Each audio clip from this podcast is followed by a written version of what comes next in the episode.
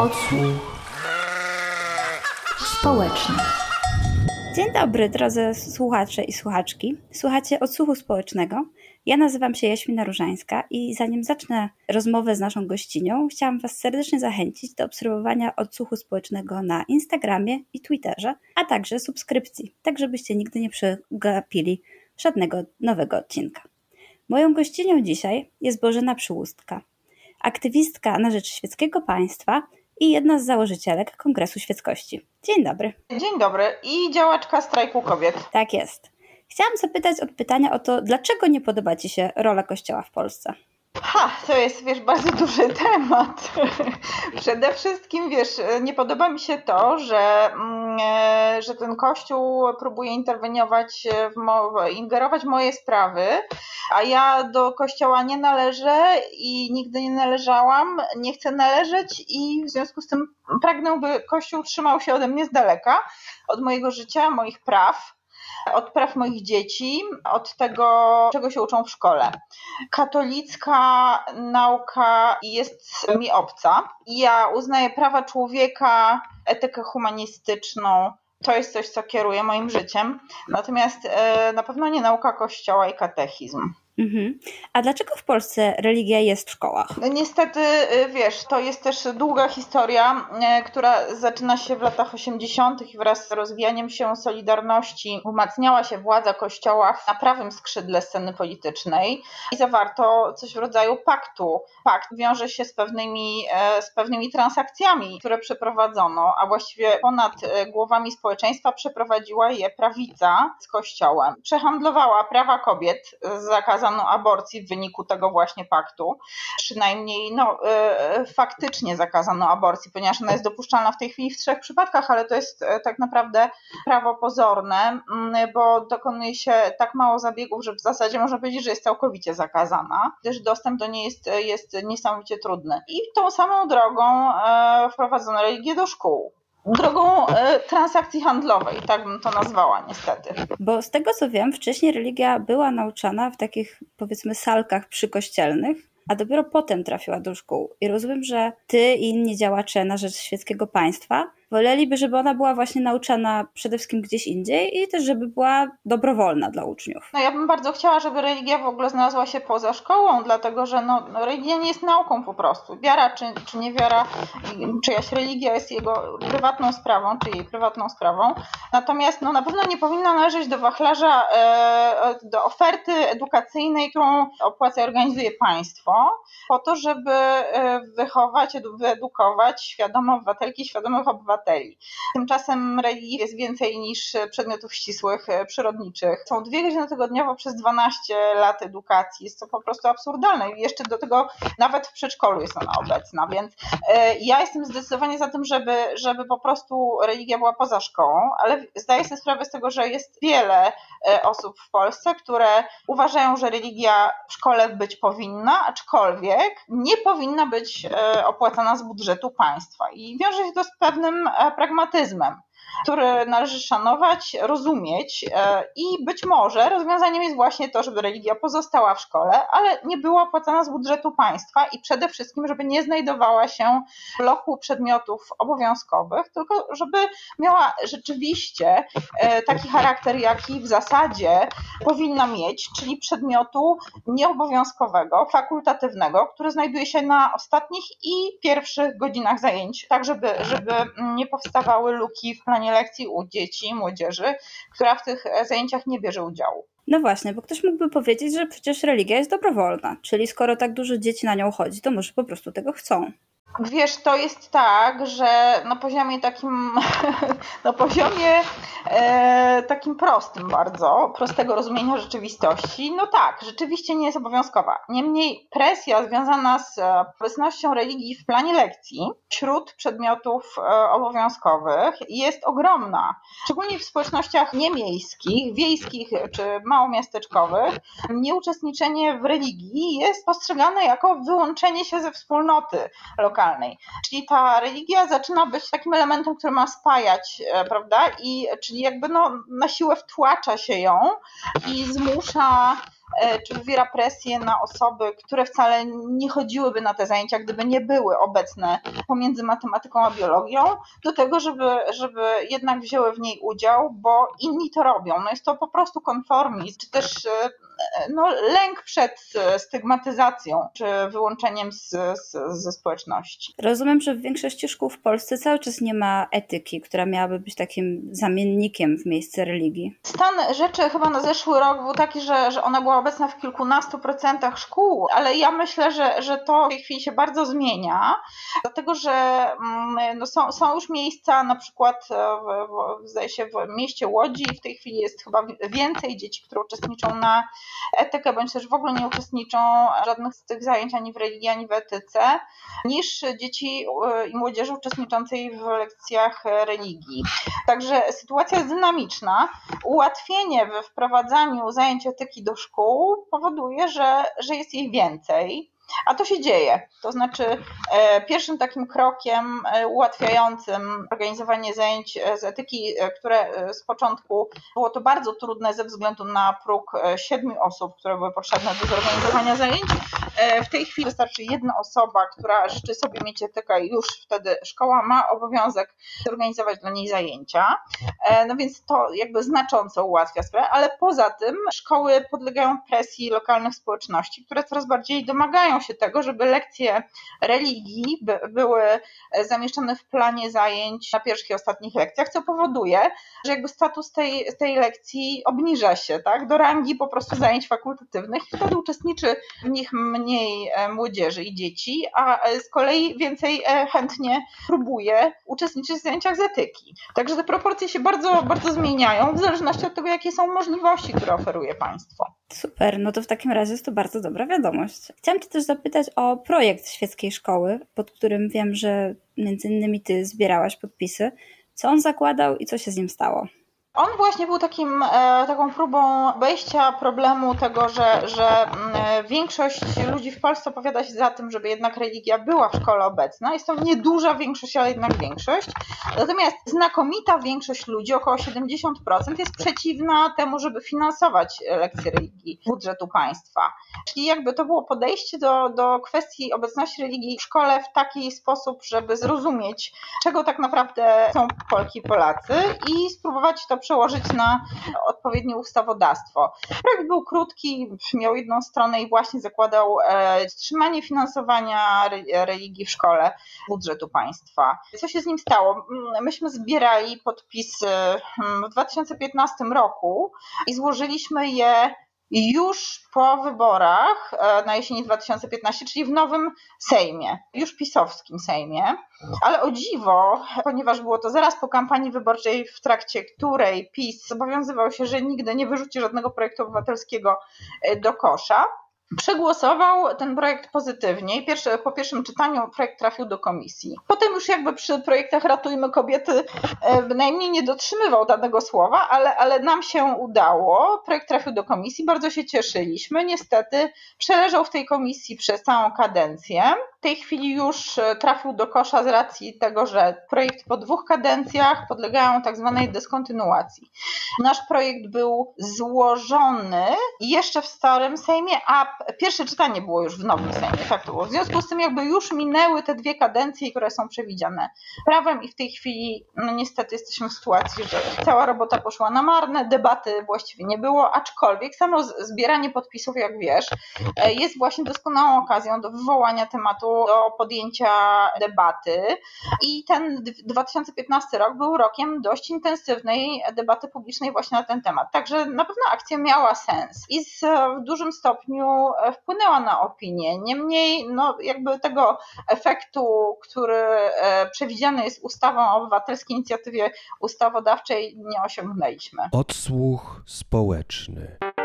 Teraz trochę już odchodząc od tematu religii w szkole, chciałam zapytać o kolejny projekt, pod którym zbieraliście podpisy, czyli Świeckie Państwo. Projekt Świeckie Państwo to już jest 4 lata później, czyli 2019 rok. Projekt skomplikowany, dość trudny mm, do takiego mm, komunikacyjnego, że tak powiem, ubrania go, który wypracowaliśmy już jako Stowarzyszenie Kongres Świeckości, którego właśnie jestem współzałożycielką i członkinią zarządu oraz jestem współautorką tej e, ustawy, pod którą zbieraliśmy podpisy. Projekt opierał się, czy wyrastał z zebranej przez nas przez kilka lat wiedzy na temat stosunków państwo-kościół, z której jakby wyciągnęliśmy wniosek, że należy niezwłocznie uporządkować e, kwestie przede wszystkim w obszarze finansów. Dlatego, że w tej chwili mamy taką sytuację, że finanse Kościoła są praktycznie niejawne. Znaczy i teoretycznie, i praktycznie są po prostu kompletnie niejawne. To znaczy Kościół jest wyłączony na przykład z prowadzenia rachunkowości. Nie musi w żaden sposób opowiadać się z tego, jakie ma przychody, z jakich źródeł i jakiej wysokości. E, nikt nie wie, jakiej wielkości jest majątek Kościoła, nikt nie wie, ile pieniędzy płynie z budżetu państwa, przedsiębiorstw państwowych w stronę kościelnych osób prawnych, których jest e, tysiące.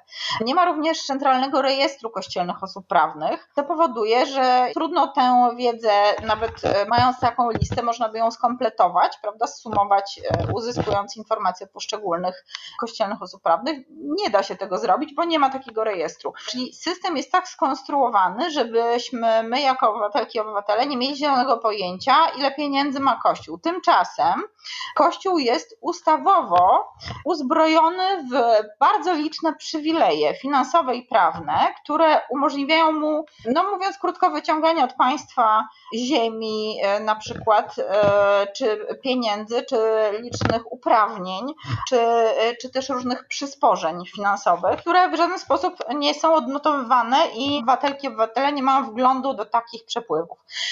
Co to powoduje? To po prostu powoduje, że nasze stosunki z Kościołem to jest po prostu czarna strefa, w której do, może dochodzić i na pewno dochodzi, bo takie doniesienia są liczne, tylko niestety nie, nie mamy nad tym żadnej kontroli, do korupcji kościelno-urzędniczej.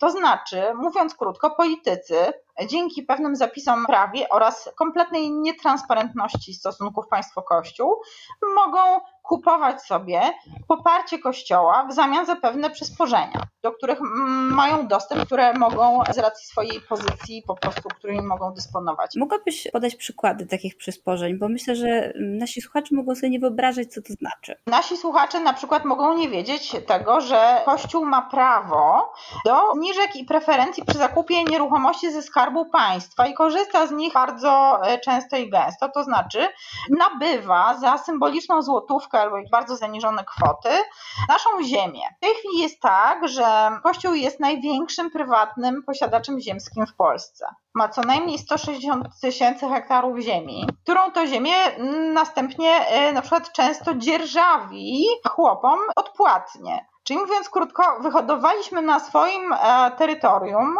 jakąś taką feudalną strukturę, która jest całkowicie nietransparentna i która służy temu, żeby sieć e, ambon e, w kościołach, e, która liczy 10 tysięcy parafii, a kościołów jest chyba ponad 17 tysięcy, żeby wykorzystywać tę sieć kościołów do na przykład popierania PiSu w wyborach, w zamian za to, że biskup taki i taki dostanie kawałek ziemi, czy też na przykład urząd przymknie oko na budowany przez biskupa czterogwiazdkowy hotel spa, tak jak to ma miejsce w, w tej chwili na Warmii, który służy wyłącznie celom zarobkowym, prawda? I jeszcze doda, doda trochę ziemi, żeby było e, więcej e, widoków. To są właśnie przywileje, którymi może urzędnik państwowy czy działacz partyjny, tak, wysoko postawiony, może po prostu ułaska, obłaskawiać e, hierarchię kościelnego po to, żeby załatwić sobie, że w danej diecezji, prawda, z ambon podczas kampanii wyborczej będzie mówione, że należy głosować na PiS i konkretnie konkretnie na tego kandydata.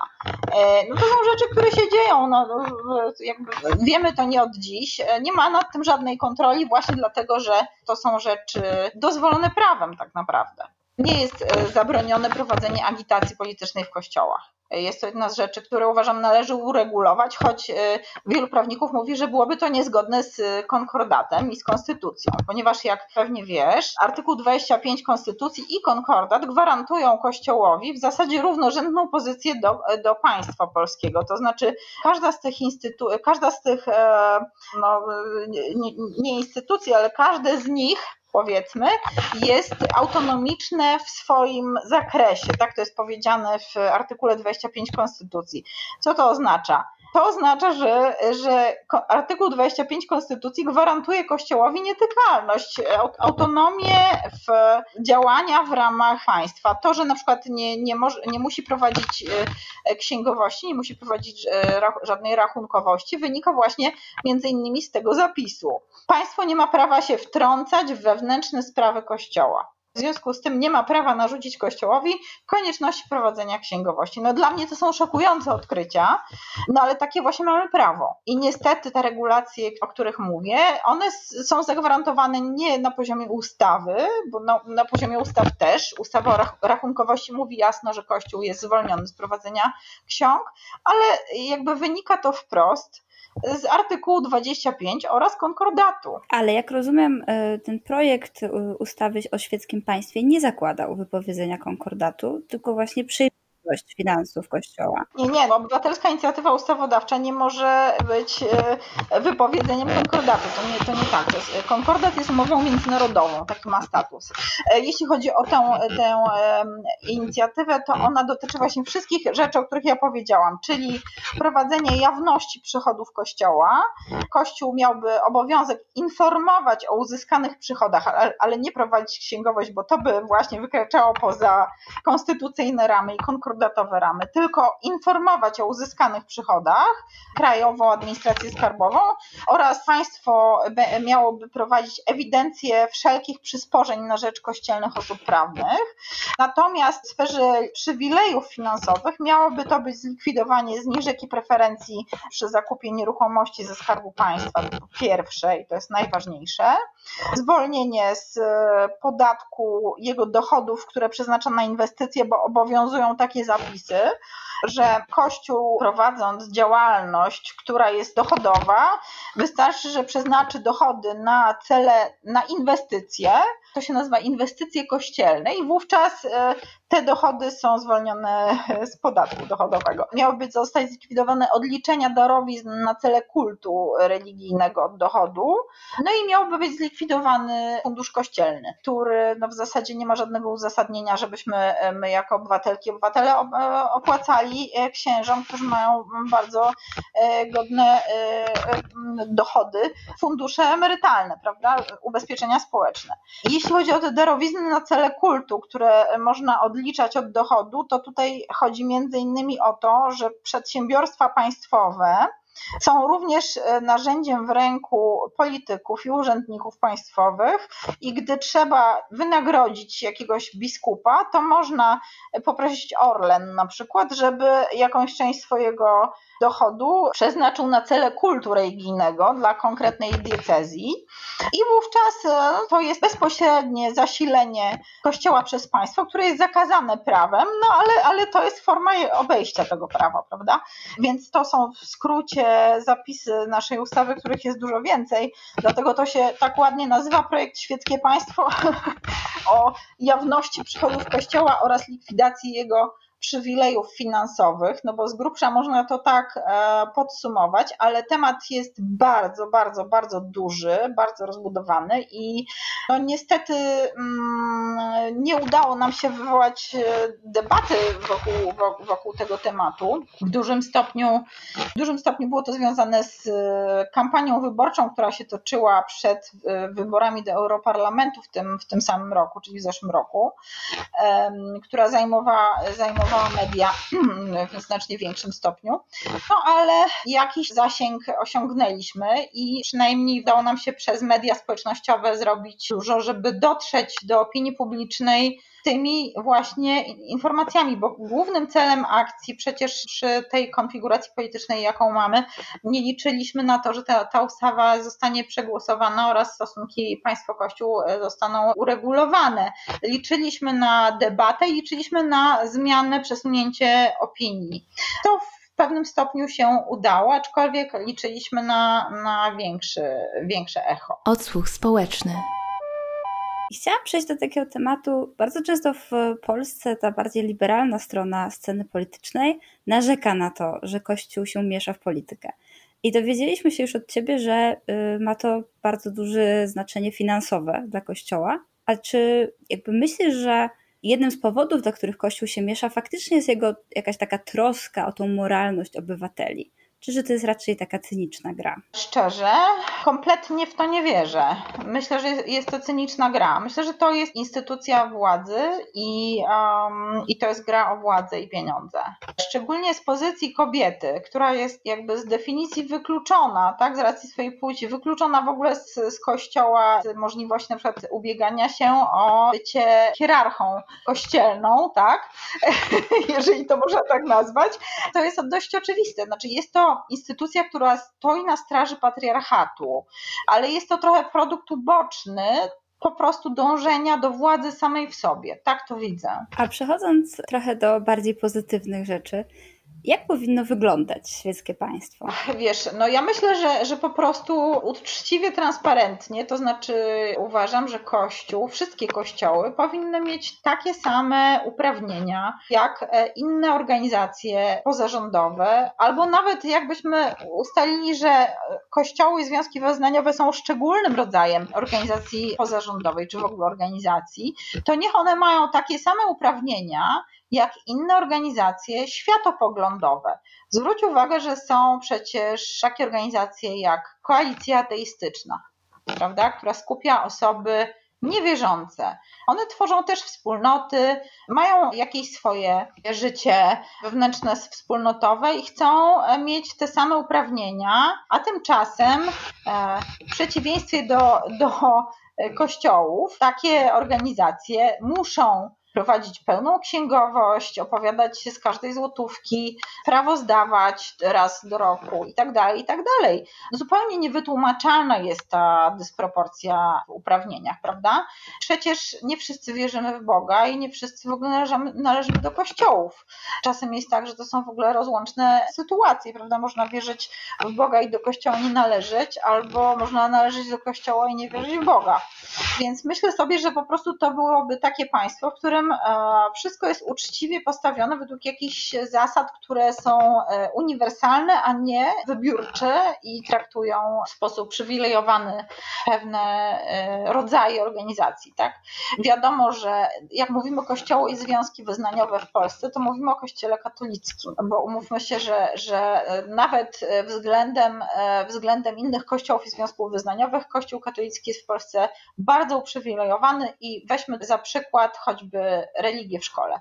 To nie jest tak, że każda, e, każdy zarejestrowany w Polsce kościół ma zagwarantowane lekcje religii w szkole. Nie, bardzo trudno jest ponoć e, e, o to zawalczyć i to dotyczy prawdopodobnie prawosławnych na kresach i to chyba by było na tyle. Tak naprawdę inne religie nie są traktowane tak jak, e, tak jak religia katolicka, która przecież na dzień dobry, gdy zaczynamy rok szkolny, znajduje się w planie lekcji i nikt się nikogo nie pyta, chociaż niby takie jest prawo, że powinno się organizować lekcje religii na wniosek rodziców, no ale nikt się nie pyta rodziców, czy chcą mieć religię, czy nie, tylko po prostu ją organizuje.